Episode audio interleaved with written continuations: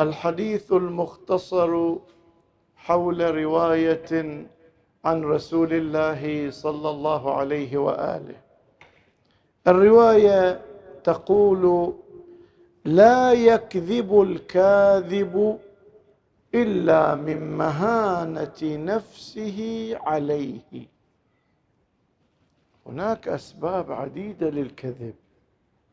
واحد يقول أنا كذبت طمعا. اريد احصل زيادة. واحد يقول خوفا على مال واحد يقول خوفا على علاقة. أسباب عديدة للكذب. لكن الرواية تقول أن سبب الكذب هو أن الكاذب يشعر بمهانة نفسه عليه. فكيف نجمع بين ما نراه من أسباب وبين هذه الرواية؟ الحقيقة أن كل الأسباب تريد أن تجبر النقص الذي يستشعره الكاذب. فالذي يرى في نفسه مهانة يبحث عن ما يراه كمالا فيخاف على ما يراه كمالا ويطمع فيما يراه كمالا. فالذي يكذب طمعا في المال هو تخيل أن النقص الذي يستشعره يرتفع إذا صار غنيا وإذا صار متمكنا متمولا. شخص آخر يكذب ليدفع تهمة عن نفسه وهو قد ارتكب الخطأ. يبرر وهذه واجد نشوف في المشاكل. تجد أن المخطئ يتفنن في التبرير. والله يقول بل الإنسان على نفسه بصيرة ولو ألقى معاذيره حتى لو قال معاذير وكذب هو ما مقتنع في داخله. لكنه تصور أن الشخصية كمالها في أن الناس تعتقد أنه إنسان لا يخطئ. فيذهب إلى الكذب ليحظى بشخصية في نظر الناس ما أخطأت. ترى حتى النفاق ليش إذا حدث كذب؟ المنافق. لأن أصل النفاق مبني على الكذب. أن يظهر شيء وهو لا يؤمن به يريد أن يكمل ما يراه تكميل نفسه موقع اجتماعي بإظهار الإسلام. الرياء كذب. يظهر نفسه من أهل القرآن ومن النافلة ومن أهل الدعاء وهو ليس كذلك. لأنه يستشعر نقصا في نفسه فيلجأ إلى الرياء والرياء ممارسة خلاف واقعه فهي كذب. فاذا لو فتشنا في أسباب الكذب لوجدنا أن الكاذب لو كان يرى في نفسه الاعتزاز بالله وأن لا حول ولا قوة إلا بالله وأنه يكتمل بعلاقة صحيحة مع الله لم يلجأ إلى الكذب. لأن الكذب لا يقربه إلى الله والكمال بالعلاقة مع الله. وأنه من أصلح بينه وبين الله أصلح الله بينه وبين الناس. لهذا الروايات والآيات تذكر للكذب مساوئ عديدة. نذكر بعضها. حتى اللي اللي يفكر أن يلجأ إلى كمال وهمي من خلال الكذب نقول النتيجة عكسية تماما. مثل واحد عطشان قال اشرب ماء البحر. أريد أرتوي. يرتوي لو يزيد عطشا؟ يزداد عطشا. فالكاذب الذي هو يستشعر المهانة يريد كمالا فيذهب للكمال الوهمي فيزداد شعورا بالمهانة والنقص. هو يكذب وفي نفسه يشعر بالنقص وكله خايف يفتضح. شوف بعض الروايات والآيات في بعض سلبيات الكذب.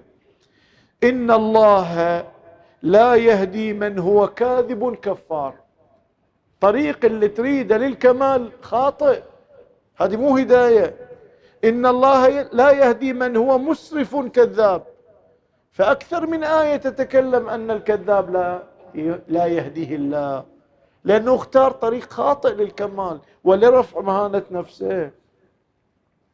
أيضا يوجب النفاق. يعني يكذب فيكذب إلى أن يتحول إلى منافق. يقول تعالى فأعقبهم نفاقا في قلوبهم إلى يوم يلقونه. لما؟ قال بما أخلفوا الله ما وعدوه وبما كانوا يكذبون. فالكذب صفة نفاق إذا تمرس فيه الإنسان يأخذه إلى النفاق. لهذا عن أمير المؤمنين عليه السلام الكذب يؤدي إلى النفاق. الأمر الثالث المهانة. أنا أكذب من مهانة فألقى مهانة. عن أمير المؤمنين عليه السلام ثمرة الكذب المهانة في الدنيا والعذاب في الآخرة. تخيل إن أنا الآن كذبت كذبة. ثم اكتشف الجميع كذبي. شنو وجهي؟ أتمنى الأرض تنشق وتبتلعني. شعرت بالمهانة ما بعدها مهانة. هذا طريق ما يعز أحد. طريق يهين صاحبه. أيضا في الروايات إن الكذب يسود الوجه. وفي رواية أخرى لا تكذب فيذهب بهاؤك. المؤمن لنور لبهاء تطالع السيد الإمام. إحنا نطالعه من وراء الشاشة. اللي شافوه مباشرة يقولون مجرد وقع النظر عليه نبكي ولا ندري. ما نقدر نملك أنفسنا. وهو مجرد واحد من عيال أهل البيت يعني من من تلامذتهم شو شوف الإمام. فالإيمان يكسب صاحبه نورا وبهاء والكذب يسلب البهاء ويسود الوجه. بعد يوجب الندم لأن الإنسان الكاذب الكذب حبل قصير يفتضح فبدل أن يكسب يخسر. بدون كذب ما ربح لكن بالكذب خسر. عاقبة الكذب الندم كما عن أمير المؤمنين عليه السلام. بعد من ضمن الثمر من ضمن الآثار السلبية أن يفقد الإنسان ثقة الناس به. إذا واحد يكذب ما أحد يثق فيه. عن أمير المؤمنين عليه السلام من عرف بالكذب قلت الثقة به. من تجنب الكذب صدقت أقوى صدقت أقواله. فالواحد الآن إذا يريد يكون موضع ثقة عند المؤمنين لا لا, لا يكذب. لأن الكذاب مو اليوم بكرة يكتشف. لأن الله يقول إن الباطل كان زهوقا. فالزبد يوصل السماء لكن فأما الزبد فيذهب جفا. بسرعة ينكشف.